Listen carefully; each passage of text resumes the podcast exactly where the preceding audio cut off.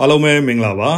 မနေ့ကကစားခဲ့တဲ့ဂရုစီရဲ့ပွဲစဉ်တွေမှာတော့ပိုလန်ကဆော်ဒီအာရေဗျကိုနှစ်ဂိုးကိုမရှိနဲ့နိုင်ရရှိသွားပါတယ်ခြေစွမ်းပိုင်းမှာအပြန်အလှန်နဲ့ကြည်ကောင်းတဲ့ပွဲစဉ်တစ်ပွဲဖြစ်ခဲ့ပြီးတော့ဆော်ဒီတို့ဂိုးကန်ခေခဲ့တာကြောင့်ရှုံးခဲ့ရတာပါပထမဂိုးပေးပြီးတဲ့နောက်ရခဲ့တဲ့ပယ်နယ်တီကိုလွဲချော်ခဲ့ခြင်းကလည်းဆော်ဒီတို့ကိုကန်ဆိုးစေခဲ့တာဖြစ်ပါတယ်ဒီပွဲမှာတော့လီဝန်ဒေါ်စကီခြေစွမ်းပြခဲ့ပြီးတော့ကိုရိုင်းတကိုးသွင်းခဲ့သလိုတကိုးဖန်တီးပေးနိုင်ခဲ့ပါတယ် နောက်ထပ်အားလုံးစိတ်ဝင်စားတဲ့ပွဲစဉ်တစ်ပွဲဖြစ်တဲ့အာဂျင်တီးနားနဲ့မက္ကဆီကိုတို့ပွဲစဉ်မှာတော့ပထမပိုင်းတစ်ပိုင်းလုံးဂိုးရဖို့အတွက်အာဂျင်တီးနားတို့ရုန်းကန်ခဲ့ရပါတယ်။ဒုတိယပိုင်းမှာတော့လိုအပ်နေတဲ့အနိုင်ဂိုးကိုဂုတ်ကြီးမက်ဆီက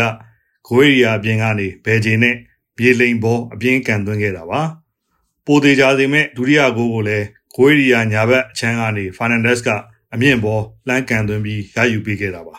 ။ဒီအုပ်စုမှာတော့အသင်းတိုင်းက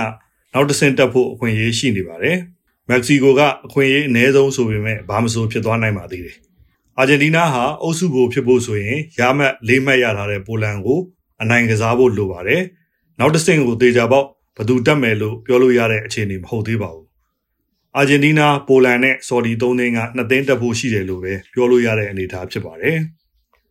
ဂရူဒီကတူနီးရှားနဲ့အော်စတြေးလျအသင်းတို့ပွဲစဉ်ကတော့နှစ်သင်းစလုံးဟာအပြန်အလှန်တိုက်စစ်ဆင်ကစားပြီးကြည်ကောင်းတဲ့ပွဲစဉ်တွေပွဲဖြစ်ခဲ့ပါတယ်။ပထမပွဲစဉ်ရှုံးထားတဲ့အော်စတြေးလျက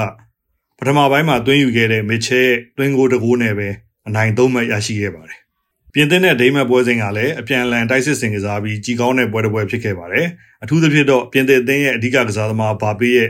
အဆုံးသက်ကောင်းမွန်မှုတွေနဲ့အနိုင်သုံးမှတ်ရယူခဲ့တာပါ။ ပထမပိုင်းမှာဂိုးမရှိတည်ကြခဲ့ပေမဲ့ဒုတိယပိုင်းမိနစ်60မှာဟာနန်ဒက်စ်နဲ့ဘာပေးတို့ဂိုးရီယာထဲမှာ1-2ရိုက်ပြီးနောက်ခံလူတွေကြားကနေဘာပေးက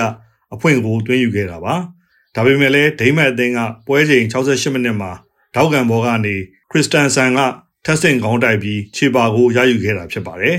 ပြင်သစ်အတွက်အနိုင်ဂိုးကိုတော့ညာဘက်ချမ်းကနေဂရစ်မန်ဖြတ်တင်ပေးတဲ့ဘောလုံးကိုဘာဘေးကလူဂျွန်ထောင်ချောက်ကိုဖောက်ထွက်ပြီးတော့ပိတ်သွင်းခဲ့တာဖြစ်ပါတယ် ဒီအုပ်စုမှာပြင်သစ်ကအုပ်စုတက်ဖို့တေချာသွားခဲ့ပြီးဒိမန်နဲ့ဩစတြေးလျတို့ပွဲစဉ်ကတော့သူတို့နှစ်သင်းနောက်တစ်ဆင့်တက်ရေးအတွက်အဆုံးဖြတ်ပွဲပဲဖြစ်ပါတယ်။တူနီးရှားအတွက်ကတော့အခွင့်အရေးမရှိသလောက်နည်းသွားပြီလဲဖြစ်ပါတယ်။ကဲဒီနေ့မှာတော့ Group E နဲ့ F ရဲ့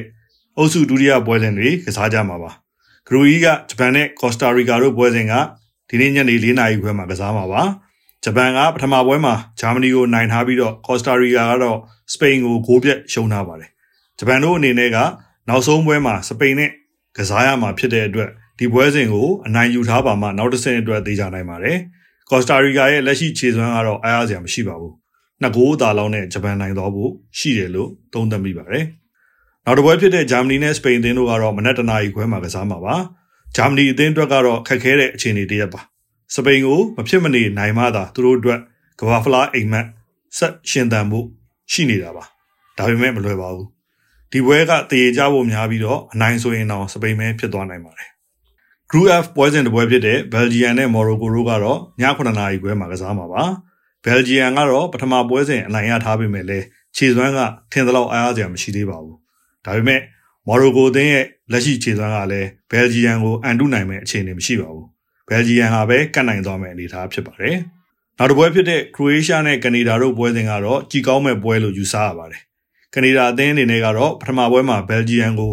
ရှုံးခဲ့ပေမဲ့လည်းခြေစွမ်းကကောင်းတဲ့အထက်မှာပါပါတယ်။ခရိုအေးရှားကတော့နောက်ဆုံးပွဲစဉ်မှာဘယ်လ်ဂျီယံနဲ့တွေ့မှာဖြစ်တဲ့အတွက်ဒီပွဲစဉ်ကသူတို့အတွက်လည်းရေးကြည့်ပါတယ်။တရေကြဖို့များတဲ့ပွဲဖြစ်ပြီးတော့ကနေဒါကိုတော့ဒီပွဲမှာပိုကြိုက်ပါတယ်။လက်ရှိအချိန်ထိနောက်တစ်ဆင့်ကိုသေးသေးချာချာပိုင်ပိုင်နိုင်နိုင်တက်ပြီလို့ပြောလို့ရနိုင်တာပြင်သစ်အသင်းတစ်သင်းပဲရှိပါသေးတယ်။ဒီနေ့ပွဲစဉ်တွေပြီးမှာတော့နောက်ထပ်ဘယ်အသင်းတွေက